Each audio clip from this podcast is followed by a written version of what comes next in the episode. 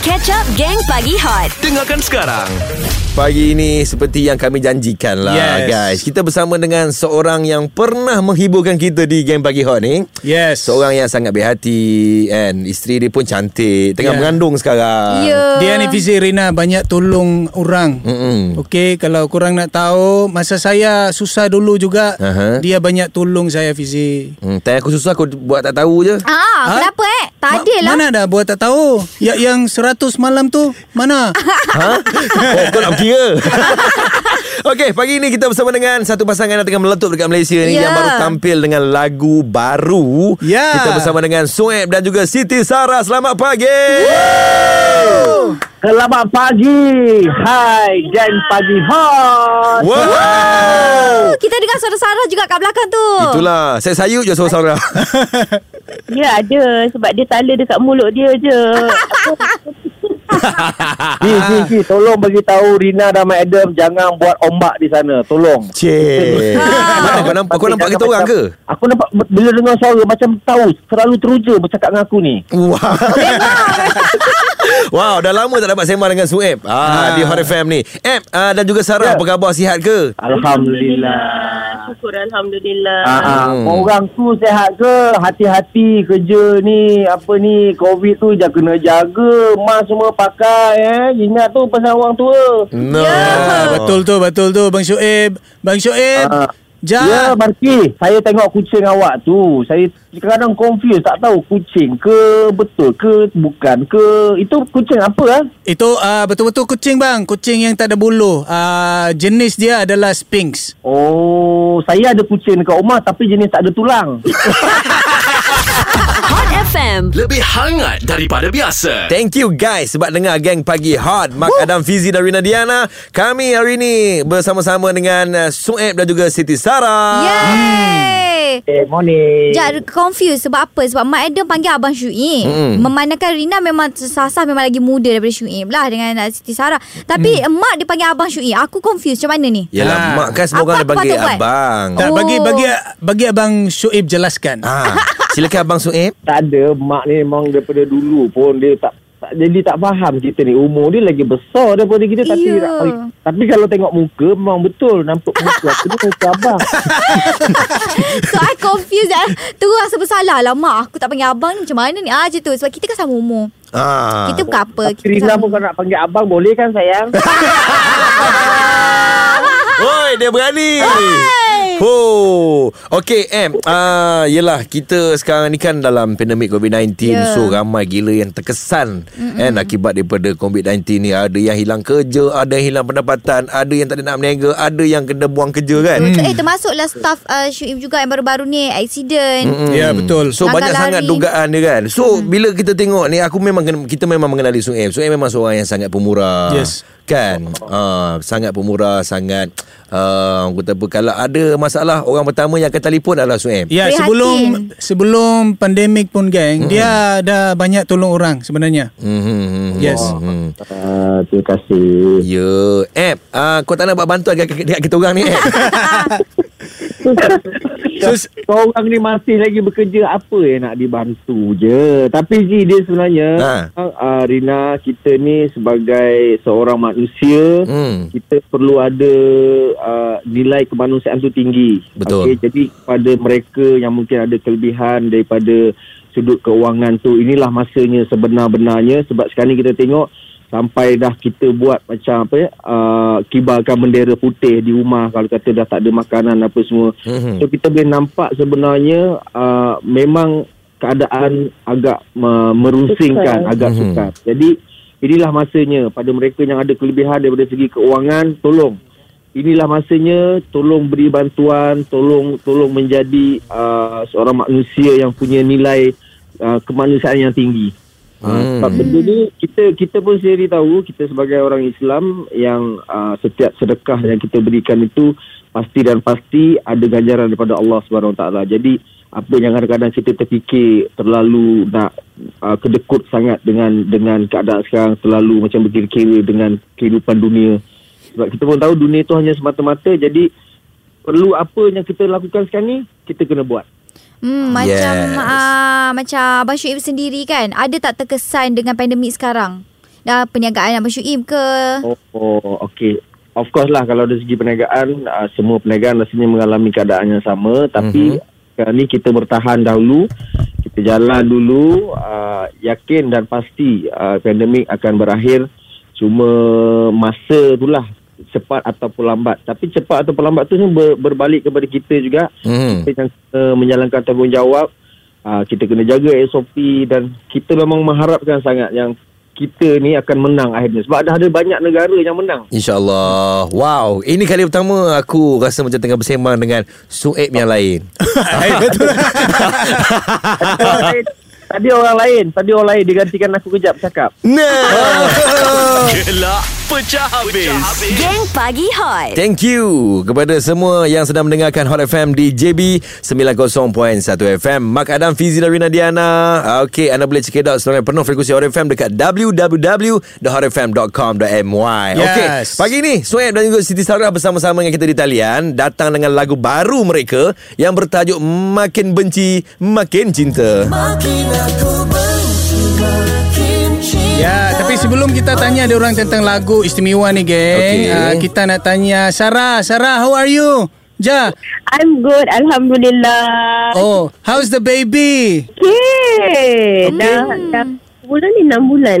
Alhamdulillah. Dah enam bulan, syukur Alhamdulillah. Syukur. Ada empat bulan lagi. Saya rindu Martin lah. Martin, Dikta dan juga Wais. Ya, dia orang pun rindu juga dengan awak. Eh Sarah baru ni aku tengok tadi uh, telefon Mark ada gambar tiga orang anak korang tu. dia rindu gila. Kau pergilah rumah dia. Ha? Lepas PKP nanti lah. InsyaAllah. Sarah nak tanya. Ya. Okey, sebenarnya siapa yang nak buat lagu berduet? Uh, kena uh, Sarah nak buat ke Syuib yang nak buat lagu duet ni? Semakin benci semakin cinta ni. Adakah ataupun ataupun sebenarnya Syuib yang merayu, "Please lah sayang, I nak buat lagu dengan you. I teringin nak menyanyi dengan you." Ah macam tu. Dia, sebenarnya lagu ni bukanlah Sueb yang nak buat ke, Sarah yang nak buat ke. Hmm. Dia sebenarnya kita buat undian macam tu. Okey. Kemudian. Undian dekat IG. Dapat. Tapi dapat. Dia macam umpama macam roda impian tu. Dia putar kan. Dia tengok nama siapa kena. Nama kita orang kena. Alamak. Jadi secara tak sengaja macam eh kena nyanyi ke? Kena nyanyi. Oh, ingat ke lagu ni menang cabutan bertuah ke?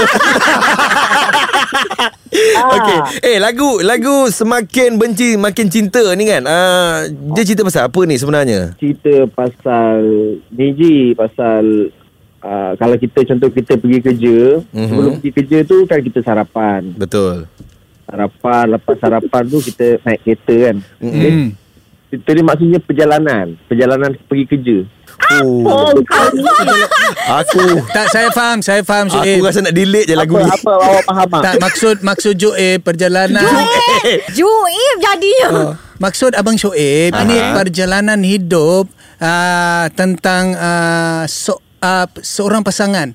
Seorang pasangan Sebuah Ah, pasangan. ini- ini- ini yang- sebuah pasangan Se- sebuah sebuah- yes. seorang. Terima, kasih bang. Dia bukan sebuah pasangan, sepasang pasangan. Oh, sepasang Ya Allah, pasangan. sumpah aku pening. Tak tahu mana satu yang betul sudah. Aku rasa sekelumit pasangan. Ah, tak apalah kejap lagi. Aku pun jadi pening ah. Jadi korang cerita siapa yang cerita lagu ni, lirik oleh siapa? Terus dengar Hot FM. Hot FM. Lebih hangat daripada biasa. Pagi ni pula kita bersama-sama dengan uh, Siti Sarah dan juga Sueb yang tampil dengan lagu barunya Makin Benci Makin Cinta. Makin aku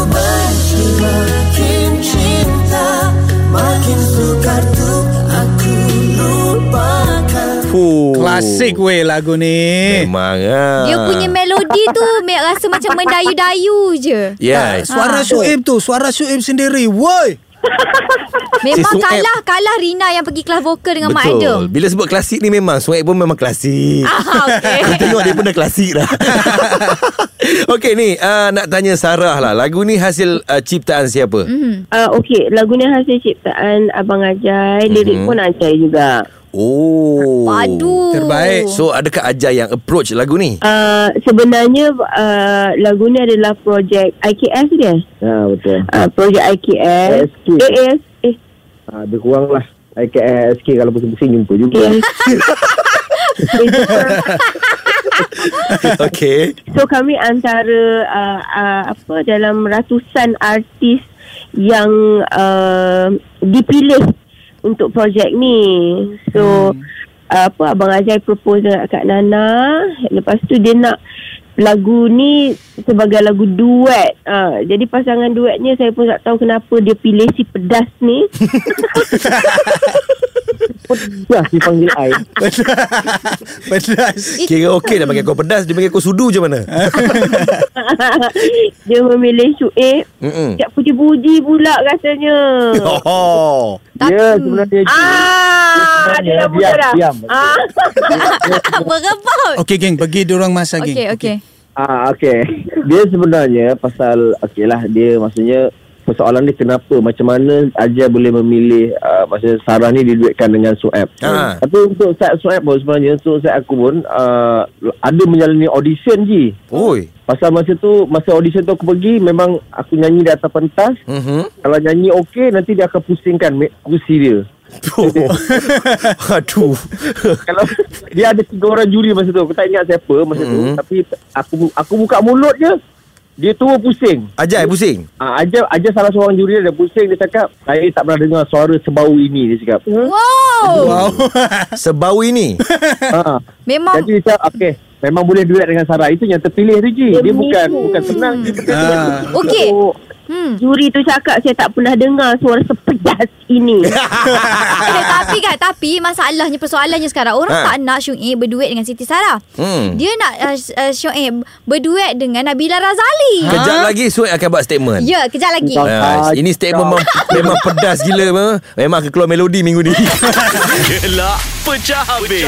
Geng Pagi Hot. Thank you sebab dengar Gang Pagi Hot. Kebetulan pula uh, Sueb dengan Sarah di talian. Hmm. Tadi itulah kita nak cakap pasal lagu semakin cinta semakin benci ni. Hmm. Uh, orang kata tak nak Syuib berduet dengan Siti Sarah. Hmm. Nak dia berduet dengan Nabila Razali. I Ah. pula bantah. I cakap apa pula dengan Nabila Razali? Hmm. Tak layak Syuib dengan Nabila Razali. Layaknya dengan Toti. Wow. Aduh level-level dia. Oh, lain macam. Rina pagi ni lain macam eh. Aku takkan Rina ni R- R- Rina waras ke tidak? Aku tak tahulah. Uh, setan apa yang merasuki dia ni. Ah. eh, eh, ramai yang suruh uh, kau duet dengan Nabila Razali. So, apa komen Sueb? Uh, sebenarnya memang dah ada permintaan Ji sebenarnya untuk ramai artis berduet dengan aku. Aha. Tapi sebenarnya banyaknya aku Kau lah. pula pemenang vokal terbaik Malaysia. Tak itu itu komen uh, Shoaib. Ah. Apa kata komen kita uh, nak, Sarah? Kita nak dengar Siti Sarah komen pasal hal ni. Bukanlah sebenarnya bukanlah ramai tapi saya bila saya baca statement tu dia lebih kepada it's not about Nabila Razali sebenarnya. Hmm. Sebab kata suara tak moden. Suara tak moden tu apa cikgu Apa? vokal? Cuba cikgu vokal cerita sikit. Ah, suara yang tak moden tu adalah suara yang bukan suara seperti suara Shoaib. Dia cik dia punya komen saya rasa tak sesuai lah Sarah nyanyi sebab suara dia suara bukan moden aku macam tak faham. Suara tu macam mana eh? Nak belajar kat mana? Sebab kita ni kalau macam uh, apa belajar vokal kita tahulah kalau uh, nak nak nak dipopkan nyanyian tu ataupun nak diklasikalkan ataupun nak dinyanyi lagu asli ke apa. Hmm. Tapi moden tu apa? Aku rasa mungkin moden tu ada efek-efek. Yalah kan, efek-efek yang macam Apa-apa zaman yang sekarang ni. lah eh. Ni Kan? contoh kat sebelah ni suara Ah. moden. Wah, Ha. suara aku, aku yang kena. oh, mungkin dia nak macam-macam suara Rina kot. Sebab apa dulu saya pernah dengar suara Rina nyanyi. Okey. Suara Rina ni dia moden tak moden, klasik tak klasik. Memang tapi suara- mantap lah. Dia bukan mantap Rina, dia atas mantap. Dia suara Rina ni benyek. Hot FM. Lebih hangat daripada biasa. Okey, Em nak tanya Em, uh, lepas keluar lagu Makin Benci Makin uh, Cinta ni, uh, apa plan yang seterusnya? Yalah, sekarang ni kan uh, musim pandemik, musim PKP, lockdown. So, adakah ini menjejaskan korang punya um, promotion? Promo untuk lagu uh, Ji dia semakin benci semakin cinta Ji. Oh, semakin hmm. benci eh? Fizi bang uh, dia pilat se. Bukan se Dia tulis kat sini Makin je Kau ni Yang pelak kau Promo so far tak ada masalah je. Semua kita pasal kita boleh gunakan uh, apa ni Zoom meeting macam macam telefon apa semua. Hmm. Macam mana kita buat sekarang ni. ah lah. macam mana kita buat sekarang ni. Tak ada Hmm. masalah promo uh, sebab semua pun faham kan. Hmm. Kopi apa semua. Cuma ada lagi tambahan ji uh, untuk macam promo lagu ni adalah aku berjumpa dengan beberapa orang bomoh macam tu. Okey, okey. Untuk untuk maksudnya untuk serikan lagi lagu ni ji. Oh Okey. Pomoh tu boleh serikan lagu. Baik serikan kau Kau pun kurang seri tu Kau orang ajar Yang sebelum ni Tapi Tapi so far Ji Alhamdulillah Ji penerimaan orang dekat YouTube uh, Rasanya Walaupun mula-mula tu dia lambat sikit uh, Mhm. Tapi 3-4 hari selepas tu uh, Views tu makin tinggi dah. Rasanya dah almost 80 ribu, 80 ribu view macam itulah Alhamdulillah lah kan. Alhamdulillah. Ada tak nak target Target apa? Masa korang uh, Mestilah Bila korang keluarkan lagu ni Mesti korang ada target Oh okay Kita mesti kena capai target ni. Ha. Hmm, ekspektasi. ha, Expectation orang Macam mana tu Uh, sebenarnya target kita orang sebenarnya nak bawa lagu ni pergi ke Afrika. Okey. tak adalah. Kalau ada rezeki lah Ini kita Mm-mm. kalau ada rezeki Kalau mana tahu pergi ke AJL ke ya, Amin. betul. Amin. Tahu sebab Kalau kita perasan uh, Dah lama kita tak ada lagu macam pasangan uh, Pasangan apa suami isteri berduet nyanyi Lama Betul Dah tak ada Kalau kita ingat dulu lagu Keliru pernah menang Masa tu Ajai Dengan Ah, Nurul Pol ah kan. Mhm. So manalah tahu ni ke depan ke depan ni macam rasa macam try lah tengok okey tak ah, ada, ada lagu pasangan ni kan di Hmm. di pentas AJL. Manalah tahu Ji. Amin. Kita tak tahu. Kita doakan yang baik-baik bang. InsyaAllah. Kan? Ada sekarang ni berani ke nak menyanyi kat AJL. nak kena tunggu apa masuk bilik air je. Sekejap lagi nak tanya Sarah lah kan Berapa lama Sueb uh, nyanyi lagu ni Rekod ah, Tempo Jawab dia sekarang ah. Sekejap je, benda ni sekejap je. Gelak pecah habis. Geng Pagi Hot Hari ini kita bersama dengan beautiful couple Ya. Iaitu Soeb dan Siti Sarah Di Gang Pagi Hot Mak Adam Fizi dan Rina Diana Okey mereka datang dengan lagu baru Semakin Benci Semakin Cinta Yes. Makin Ha.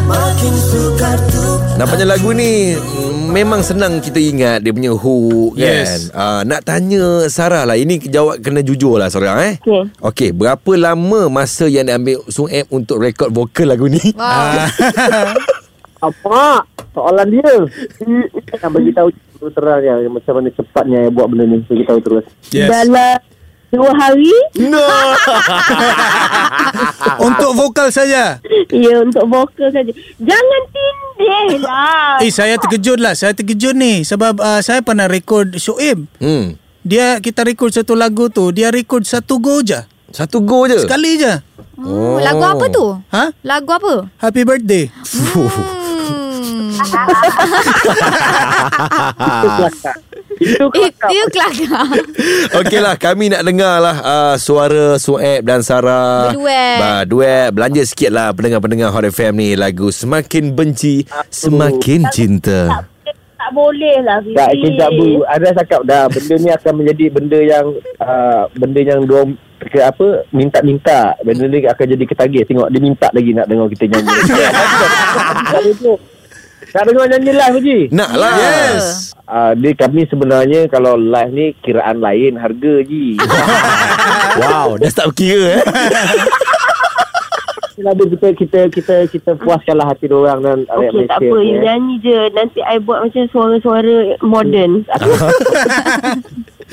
Okey gabungan klasik dan juga moden Silakan Semakin benci Semakin cinta Okey. Satu, dua, tiga. Makin Bukan, aku. bukan. Hot FM Lebih hangat daripada biasa. Okey, uh, kita dah sampai di hujung-hujung ni bersama-sama dengan Sueb dan juga Siti Sarah. Yes. Ramai gila yang WhatsApp kita ni yang merindui suara Sueb di Hot FM. Hmm. Ramai gila yang cakap, "App Kak Sarah, belanjalah lagu Semakin Benci Semakin Cinta." Ah, nak Yay. live Live ada agak dah benda ni memang akan jadi permintaan lah kan. Memang. Oh, oh hai. Ini benda ini benda yang merisaukan Ji sebab Yelah apabila kita dikejar tu kita rasa lain kan. ni nak nak minta kita nyanyi ke ni? Memanglah. Dah lama tak dengar Siti Sarah dengan Sueb berduet. Hmm. Kita ambil Tak, suara. saya sebenarnya kalau menyanyi seorang, saya boleh tunjuk lah.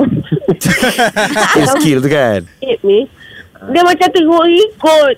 Lah, you bayangkan je Datuk Jamal. Okey, jom. Oh, wow. Okey. Kita saya okay. Three, four. Makin aku benci, makin cinta, makin sukar tu aku lupakan. Tahu ku tak berdaya, mengapa begini? Wow. Nampaknya betul-betul Sueb nyanyi sorang-sorang tu. Terlain weh suara Shoaib. Fuh. Abang Ain, bang. Dah makin Saya sedap ba- bang. Uh, dia memang semakin sedap. Uh, sebab saya adalah bah- apa makanan yang saya ambil kan air yang saya ambil. Seperti contoh air saya minum sekarang ni air telaga untuk untuk lebih betul Merdukan suara. ya betul.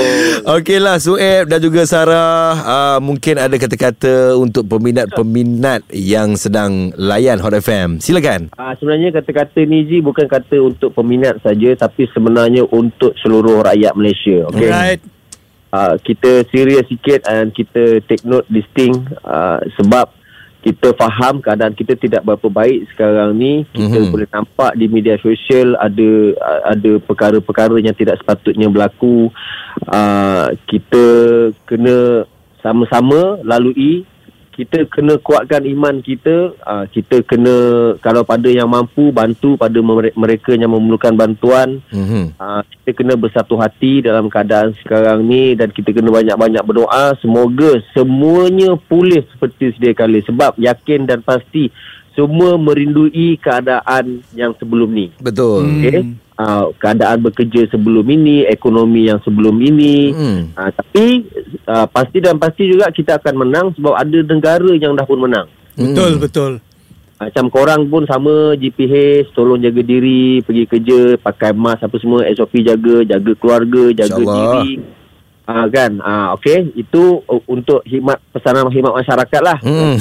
uh, ni adalah untuk uh, yang me, menyokong kita orang okey uh, daripada dulu sampai sekarang ini buah tangan untuk korang. Uh, semoga suka dengan lagu ni Boleh dengarkan lagu Semakin Benci Semakin Cinta Dekat YouTube uh, channel In Digital. And terima kasih banyak Hot FM sudi mainkan lagu ni. Dan lepas ni kalau kata macam Tak tahu nak letak lagu ni kat mana Tak apa Letak dekat iklan pun okey. Wow. Boleh main silang-silangkan dengan iklan. Maksudnya iklan main Ada main lagu ni sikit. Tak apa Janji mainkan. Itu je. Yes Ada, you dah cakap semua dah. Okay. Terima kasih Sarah. Terima kasih Sueb Thank uh, you, Jaga guys. diri baik-baik kat sana. You. Ingat jaga SOP Apa-apa hal touch okay Alright. Alright. Geng Pagi Hot. Isnin hingga Jumaat Jam 6 hingga 10 pagi. Bersama Mark Adam, Fizi dan Rina Diana. Hot FM Lebih hangat daripada biasa